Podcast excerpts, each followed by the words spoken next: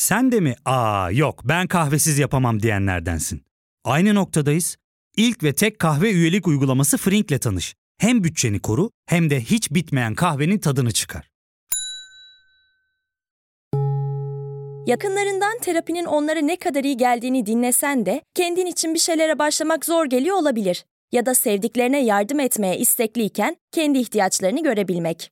Hayvel, uzman psikologlarıyla kendi ihtiyaçlarını bulmanda sana destek olacak. Terapi yolculuğuna başlamak için detaylı bilgi bölümün açıklamalarında.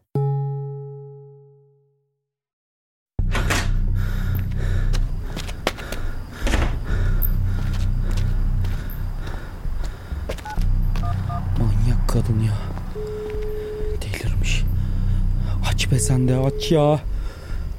911. Alo Buyurun dinliyorum. ben şu an benim evimde eski sevgilim var. Kocasını öldürdüğünü sonra da onu parçalara ayırdığını söylüyor. Ceset parçalarından kurtulmak için yardım istemeye gelmiş bana.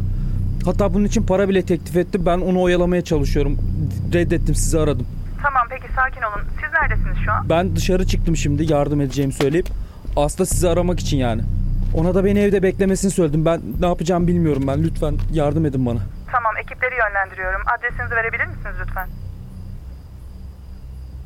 Ben Sezgi Aksu. Burası Karanlık Dosyalar. Bugün size oldukça cani, hatta yamyam bir katilden bahsedeceğim. Davayı dinlerken bir şeyler yiyip içmemenizi tavsiye ederim. Zira bu dosya midesine güvenenleri, bana dokunmaz diyenleri bile şaşırtabilir. Ne dersiniz? Hazırsanız başlayalım mı?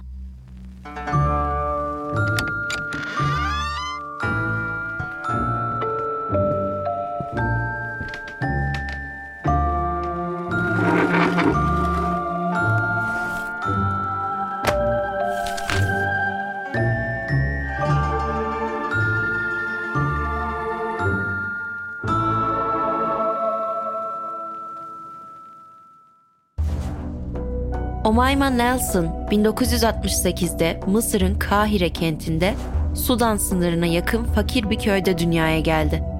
Yarı aç yarı tok, sefalet içinde geçen günlerin yanında Omayma oldukça travmatik bir çocukluk geçirmişti.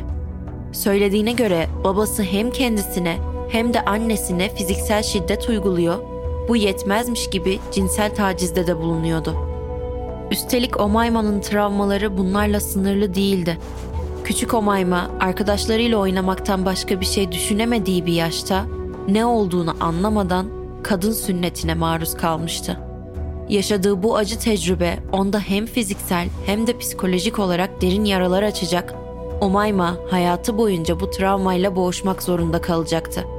Birçokları için zevk kaynağı olan cinsel ilişki Omayma için acı verici bir tecrübeden ileri gidemiyordu. Tüm bu yaşadıklarının psikolojisinde yarattığı tahribatsa gün geçtikçe artacak, işin içinden çıkılmaz bir hale gelecekti. Babasının Omayma'ya ve annesine uyguladığı şiddet ve cinsel tacizler artık dayanılamayacak bir noktaya gelmişti. Zaten yoksulluk içinde kıvranan annenin başka çaresi kalmadı ve sonunda Omayma'yı da alarak kocasını terk etti. Yoksulluktan çıkıp daha büyük ve daha mutlak bir yoksulluğa geçiş yapan Omayma ve annesi, mezarların arasına inşa edildiği için Ölüler Şehri olarak anılan bir gecekondu mahallesinde yaşamaya başladılar. Nihayet evlenme çağına gelen Omayma, 18 yaşına bastığı sıralarda Amerikalı bir petrol işçisiyle tanıştı. Sen buralara çok sık gelmiyorsun galiba. Yoksa böyle bir güzelliği asla unutmazdım. Hadi ya. Sen kendine çok güveniyorsun galiba. Herhalde güveneceğim kızım. İşim var, gücüm var. Ayrıca Amerika'da böyledir bu işler. Amerika mı? Amerikalı mısın? Aynen öyle. Özgürlüğün ülkesi. Ya peki neden buradasın? İş için gelmiştim. Yani işin bitince Amerika'ya geri döneceksin. Annesi bu adamı Omayma'nın en büyük şansı olarak görüyordu. Kızının bu Amerikalıyla evlenip kendisini kurtarması konusunda ısrarcıydı. Omayma da annesi gibi düşünüyordu. Yoksulluk ve zorluk içinde geçen hayatından kaçış bileti bu adam olabilir miydi? Denemeye değerdi. Omayma kararını verdi ve kısa süre içinde bu adamla evlendi. Onunla bir daha geri dönmemek üzere Teksas'a uçtu. Şimdi Omayma'nın hayatının ikinci yarısı, Amerika faslı başlıyordu. Acaba bu kısım hayatının ilk kısmından daha iyi olabilecek miydi? Hayallerini gerçekleştirmek, özgürce ve dilediği gibi yaşayabilmek için 1986 yılında Amerika'ya taşınan Omayma, Mısır'dakinden çok daha hızlı akan Amerika hayatına kısa sürede alıştı. Renk renk taytlarını vatkalı gömleklerine uydurmaktan büyük zevk alıyor, gönlünce gezip eğleniyor, özgürce dans edip müzik dinleyebiliyordu. Ancak kendisine Amerika'nın kapılarını açması için yaptığı mantık evliliğinin ömrü çok uzun olmadı. Omayma'nın buna da çok üzüldüğü söylenemezdi. Zira Omayma için önemli olan Mısır'dan kurtulmaktı. Ve o bunu başarmıştı. Artık özgür olmalıydı. Evliliğini bitirdikten sonra onu çok da kolay olacak bir hayatın beklemediğini bilse de Mısır'dakinden kötü olamaz düşüncesi zorlukların üstesinden gelmesini kolaylaştırıyordu. Bu şekilde Omayma'nın Amerika'da var olma savaşı başladı. Yabancı bir ülkedeydi. İngilizceyi iyi konuşamıyordu ve hiç parası yoktu. Ne iş olsa koşuyor. Bazen temizlik, bazen dadılık, fırsat çıkarsa da modellik yapıyordu. Ayrıca ara sıra küçük hırsızlıklara başvurduğu da oluyordu. Ancak temel geçim kaynağı bu işler değildi. Omayma her zaman bir erkek arkadaşının olmasına dikkat ediyor, temel geçim kaynağı olarak onları görüyordu. Kaşla göz arasında ilişkiye girdiği adamların evine taşınıyor, paralarını özgürce harcıyor, birlikte yaşadığı adam bu durumdan rahatsız olmaya başladığında ya da Omayma sıkıldığında sevgililerini ve evlerini soyarak ortadan kayboluyordu. 23 yaşındaki Omayma ile 56 yaşındaki William Bill Nelson aşkı ilk olarak California Huntington Beach'teki bir barda başladı. Aşk mı dedim? Bu ikili arasında yaşanan şey ilk görüşte aşk mıydı gerçekten? En iyisi ben size tanışma hikayelerini anlatayım da siz buna karar verin. Bill hüküm giymiş bir uyuşturucu kaçakçısıydı. 4 yıl hapis yatmış ve bunun sonucunda pilotluk işini kaybetmişti. Hayatta her şeyin en iyisini isteyen türden bir adamdı. Kırmızı bir Corvette kullanıyordu. Parlak kırmızı kovboy çizmeleri giyiyor ve büyük altın bir kemer tokası takıyordu. Gittiği her yerde, girdiği her ortamda zenginliğini göstermekten oldukça hoşlanıyordu. Ee, pardon, pardon beyefendi. Para, Efendim? paranız düşüyor galiba. Ha? Paranız... Ha. Şunu diyorsun. Bundan bende daha çok var merak etme. Yani tamam da bir tomar para var yere mi atacaksın? Sen onu boş ver güzelim ya. Gel sana ben bir içki ısmarlayayım. Sonra da belki benim evlerden birini verirsin. Ne dersin? Evlerden biri derken kaç tane evin var? Teksas'takileri mi sayayım, Kaliforniya'dakileri? Bill o andan itibaren Omayma'nın radarına girmişti. 56 yaşındaki Bill'in 23 yaşındaki Omayma'dan neden etkilendiğini anlamak sanırım daha kolay.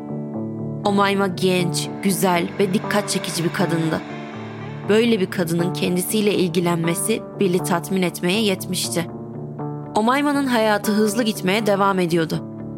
Tanışmalarından sadece birkaç hafta sonra Omayma ve Bill evlendi.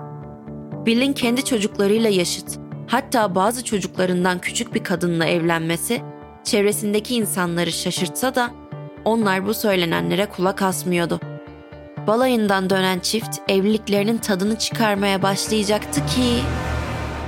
Üç hafta sonra 911 şöyle bir şikayetle sarsıldı. Alo? Şu an benim evimde eski sevgilim var. Kocasını öldürdüğünü sonra da onu parçaya ayırdığını söylüyor. Omayman'ın bile yaptıklarını öğrenmeden önce kısa bir araya gidelim. Sonrasındaysa size yaşanan inanılmaz olayları anlatacağım. Ya fark ettin mi? Biz en çok kahveye para harcıyoruz. Yok abi, bundan sonra günde bir. Aa, sen Frink kullanmıyor musun? Nasıl yani? Yani kahvenden kısmına gerek yok. Frink'e üye olursan aylık sadece 1200 TL'ye istediğin çeşit kahveyi istediğin kadar içebilirsin. Günlük 40 TL'ye sınırsız kahve mi yani? Çok iyiymiş. Aynen. Hatta şu anda 200 TL'lik bir indirim kodu da var. E hadi hemen indirip üye ol da bu fırsatı kaçırma. Terapiye başlamak, içinden çıkamadığın döngüleri kırmak, bazı yanlış bulduğun kararlarını değiştirmek ve kendinle beraber daha huzurlu bir yaşam inşa etmek için atabileceğin en değerli adımlardan biri. Hayvel ile yoğun yaşam tempona uyum sağlayarak online terapi seanslarını takvimine göre ayarlayabilirsin. Bini aşkın uzmandan sana en uygun terapisti seçebilir, podb10 koduyla indirimden yararlanabilirsin. Detaylı bilgi açıklamalardaki bağlantıda. Omayma 28 Kasım 1991'de kocasıyla baş başa yedikleri Şükran Günü yemeği sonrası önce ona makas saplamış, sonra ütüyle kafasına defalarca vurarak öldürmüştü. Omayma Bill'in kafasına o kadar şiddetli vuruyordu ki elindeki ütü bile ikiye bölünmüştü. Omayma bununla da yetinmedi. Öldükten sonra önce Bill'i hadım etti, ardından gövde ve bacaklarının derisini yüzdü. Sonra cesedi parçalara ayırıp bu vücut parçalarını gazetelere sardı ve çöp torbalarına koydu. Yüzdüğü derileri Şükran Günü yemeğinden kalan hindiyle karıştırarak çöp öğütücüsüne attı. Maalesef çöp öğütücüsü o gece fazla mesai yapacaktı. Bu davanın oldukça mide bulandırıcı olduğunu söylemiştim değil mi? Mide bulandırıcı olan kısım bitti demek isterdim. Ama maalesef bitmedi. Devamı da var. Omayma çöp torbalarını William'ın 1975 model kırmızı korvetinin arkasına attı ve eski bir erkek arkadaşının evine gitti. Ona Bill'in dişlerini çıkarması ve ceset parçalarından kurtulmasına yardım etmesi karşılığında 75 bin dolar teklif etti. Fakat adam bu teklifi reddetti. Ardından Omayma aynı teklifi başka bir eski erkek arkadaşına daha yaptı. Ceset parçalarından kurtulmak için yardım istemeye gelmiş bana. Hatta bunun için para bile teklif etti. Ben onu oyalamaya çalışıyorum. Reddettim sizi aradım. Jose Esquivel'in ihbarı üzerine Omayma gözaltına alındı ve sorgulanmak üzere polis karakoluna götürüldü. Polis Omayma'nın kullandığı Bill'in korvetinde yaptığı aramada bulduğu çöp torbalarında sigara içmekten dolayı siyah noktalara sahip akciğerlerde dahil olmak üzere insan organlarına benzeyen bazı parçalar buldu. Bill'in Omayma ile yaşadığı dairesinde yapılan aramada gördükleri ve buldukları şeylerse adeta kan dondurucuydu. Polis olayda kullanılmış kırık bir lamba buldu. Cinayet aleti olarak kullandığı kırık ütü bir çöp torbasının içindeydi. Çeşitli yerlere gizlenmiş, çöp torbaları içinde insan kalıntıları mevcuttu. Yatak kana bulanmış ve karyola direkleri kırılmıştı. Banyoda küvetin üzerindeki askılardan derisi yüzülmüş, bağırsakları çıkarılmış bir insan gövdesi sallanıyordu. Ama en kötüsü mutfaktaydı. Fritözdeki yağın içinde hindi etiyle birlikte iki insan eli, Bill'in elleri yüzüyordu. Çöpte hindi ve kızılcık sosuyla karıştırılmış insan kalçası parçaları bulundu. Dondurucunun içinde dondurulmuş sebze torbalarının arkasındaysa folyoya sarılı, büyük, yuvarlak bir nesne vardı. Bu Bill'in kafasıydı. Sanki fritözde pişmiş gibi fena halde yanmış ve delik deşik olmuş haldeydi. Omayman'ın caniliği maalesef bunlarla da sınırlı kalmamıştı. Yargılaması sırasında mahkeme tarafından atanan psikiyatristin söyledikleri davayı takip eden herkesi şoka sokmuştu. Psikiyatristin söylediğine göre Omayma, Bill'in kaburgalarını kızartarak yediğini itiraf etmiş, hatta çok tatlıydı. Hiçbir şey kocamın etinden daha tatlı değil diye de eklemişti. Ancak Omayma daha sonra bu ifadelerini geri çekecek, hiçbir zaman yamyamlık yapmadığını söyleyecekti. Gerçekten bunları araştırırken olduğu gibi anlatırken de midem bulanıyor. Bir insanı bu hale getiren, bu kadar canileştiren ne olabilir? Ben buna mantıklı ve tatmin edici bir cevap bulamıyorum. Ama gelin bakalım. Omayma kendi yaptıklarını nasıl açıklamış? 2 Aralık 1991'de tutuklanarak cinayetle suçlanan Omayma'nın duruşması tam bir yıl sonra 1 Aralık 1992'de başladı.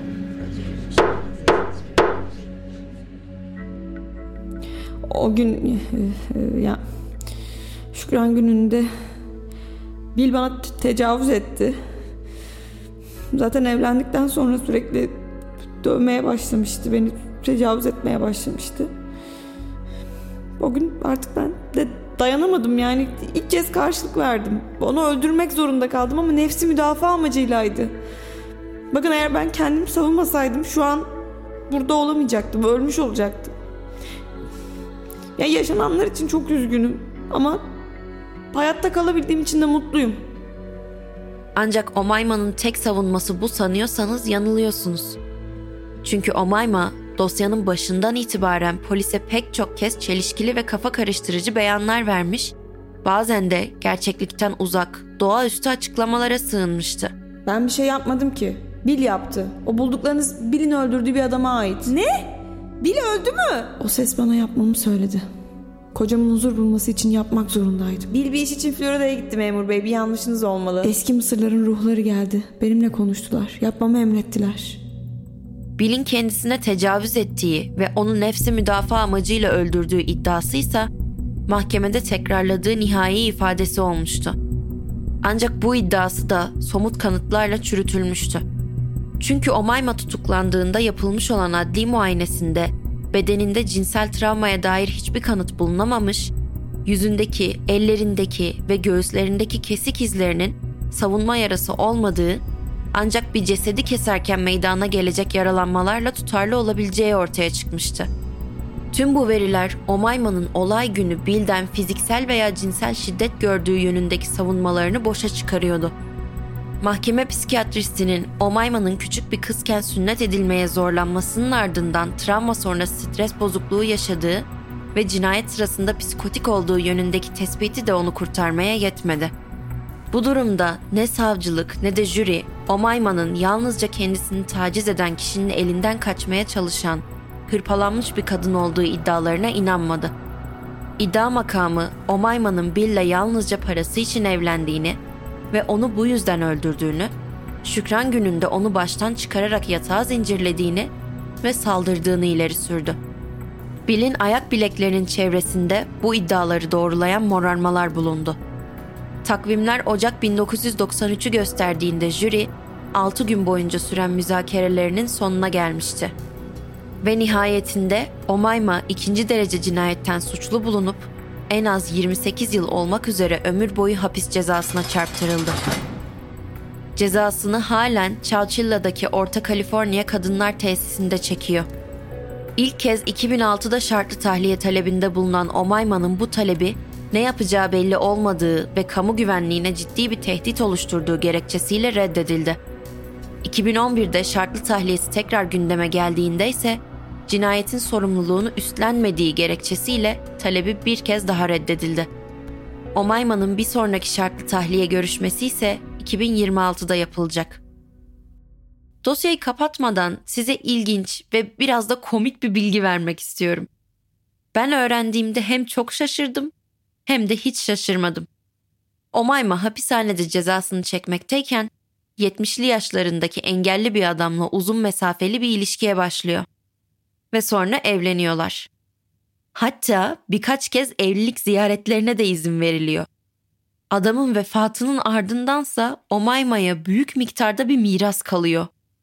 Bu olay en başından en sonuna kadar insanı hayretler içinde bırakıyor. Masum bir bebek olarak doğan bir insanın ne kadar canileşebileceğini, ne kadar insanlıktan uzaklaşabileceğini gözler önüne seriyor. Omayman'ın hayatı, insanları para için kullanmayı alışkanlık haline getirmesi ve sonunda dinlerken bile insanın midesini kaldıran o şeyleri yapabilmiş olmasına inanmak istemiyorum.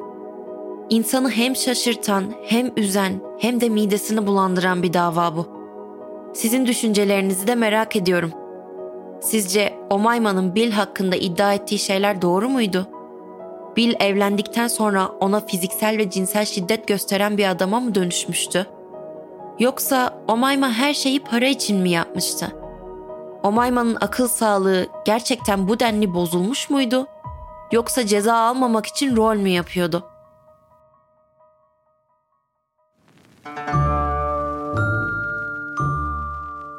Evet, bu haftaki davamızı da bu sorularla kapatalım. Bir sonraki karanlık dosyada görüşmek üzere. Kendinize iyi bakın.